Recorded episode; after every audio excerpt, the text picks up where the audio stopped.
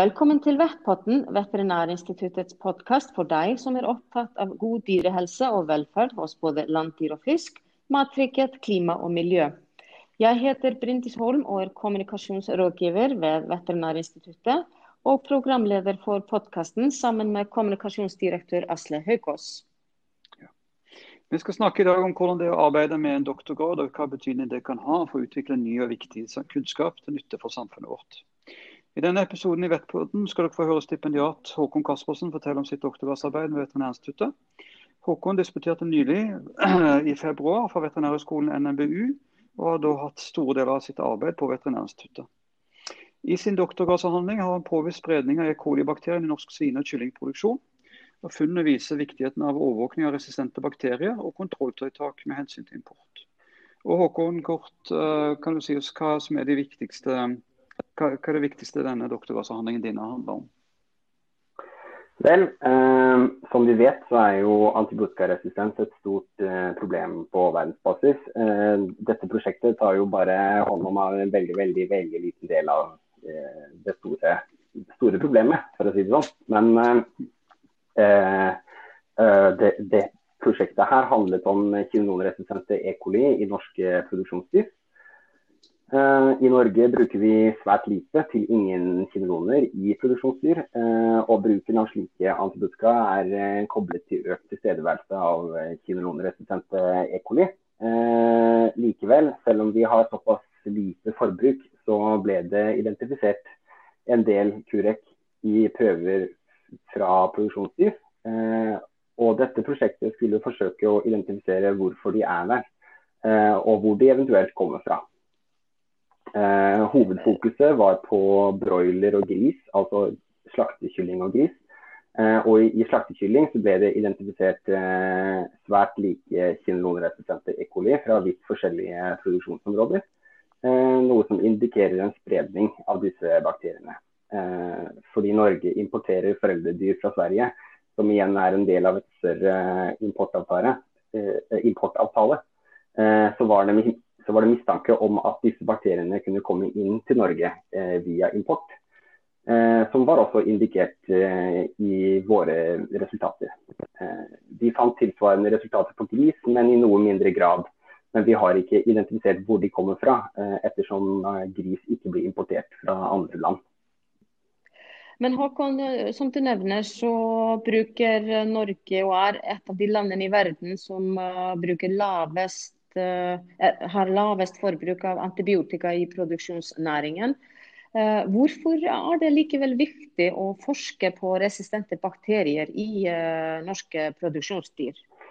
Jo, altså Vi har en veldig gunstig situasjon i Norge. Som du sier, Vi har et lavt forbruk av antibiotika, eh, som igjen er en konsekvens av god dyrehelse. Eh, når det er snakk om funn i eh, overvåkningsprogrammet vårt normvekt, så er det snakk om svært lave nivåer per prøve.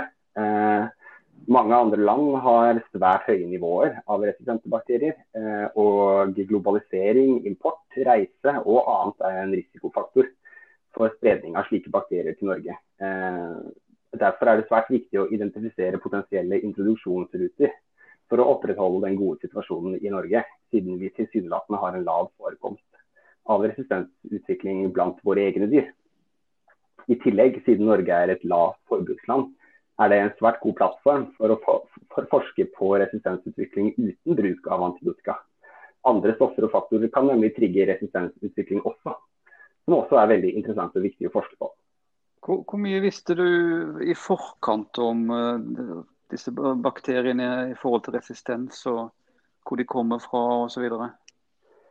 Nei, altså Vi visste kun egentlig hvor mange prøver fra hvert dyr eh, som vi hadde undersøkt, som hadde påvist eh, kinolonresistente E. coli. Eh, samt at vi hadde noen indikasjoner på at noen av bakteriene hadde overførbare resistensmekanismer. Altså mekanismer som kan overføres mellom bakterier, eh, som vi er eh, svært interessert i, i å identifisere. Eh, men utover det så visste vi ingenting om spesifikke mekanismer. Eh, ei heller om bakteriene var nært beslektet eller hadde noe felles opphav. Hvilke metoder eh, benyttet dere i studien, og hvordan ble dette gjennomført? Eh, I starten så benyttet vi data som kom fra overvåkningsprogrammet Normvet. Eh, slik som resistensdata, dyreart, lokalitet og andre data. Eh, til å beskrive tilstedeværelsen av disse kinolonresistente E. i mange ulike dyrearter. Videre i prosjektet så benyttet vi oss av noe som heter helgenomsekvensering. Altså å Eh, identifisere alt av arvematerialet i bakteriene, altså bakteriens genom, og bruke dette materialet for å beskrive forholdet mellom bakteriene. Med andre ord, vi ville vite hvor nært beslektet bakteriene var, for å kunne identifisere bakterier med svært nær historie i flere dyrearter. Og, og Hovedresultatene som det kom har kommet fram til i doktorgradsavhandlingen, hvordan vil du beskrive de og viktigheten av de? Vel, eh, resultatene viste at det er en, en eh, spredning av nært beslektede kinolonresistente E. coli i både kylling- og svineproduksjonen. Eh, resultatene viste også at disse resistente bakteriene kan bli introdusert til den norske produksjonen gjennom import av kyllinger. Eh, svineproduksjonen som sagt, har ingen import av dyr, så her vet vi fremdeles ikke hvor disse bakteriene kommer fra. Eh, eller hvorfor vi finner de. Eh, men det er kanskje noe vi kan se på i et nytt prosjekt. Eh, men som sagt, det er jo viktige funn. Eh, for det viser at eh, det er en import Det er en vei for resistente bakterier å komme inn i, vårt, i vår produksjon på. Kan det òg være mennesker som, som, bringer det inn på en måte? Det er vanskelig å si. Det er svært strenge biosikkerhetstiltak rundt produksjonen av akkurat kyllinger.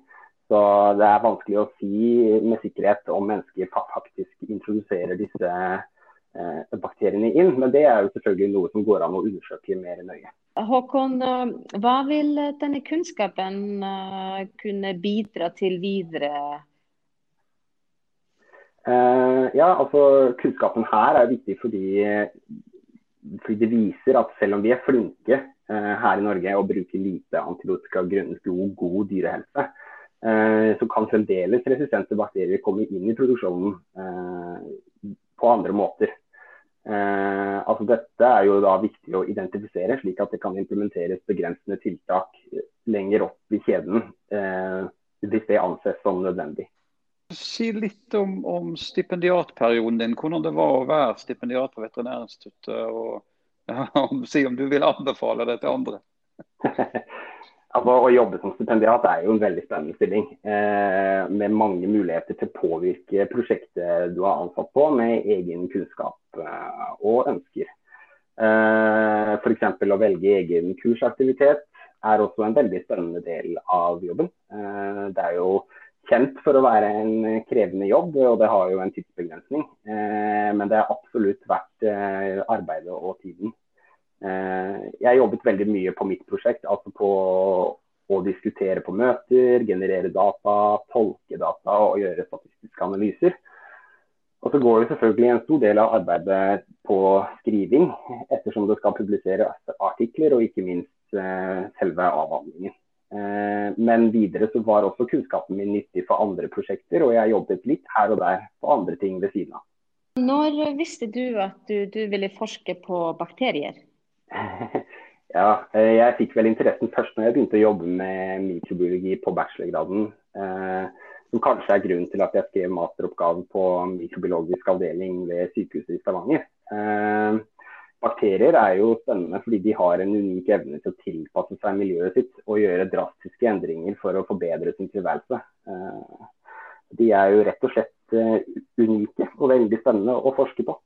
Hva skjer videre nå, da, når du er ferdig med, med doktorgraden?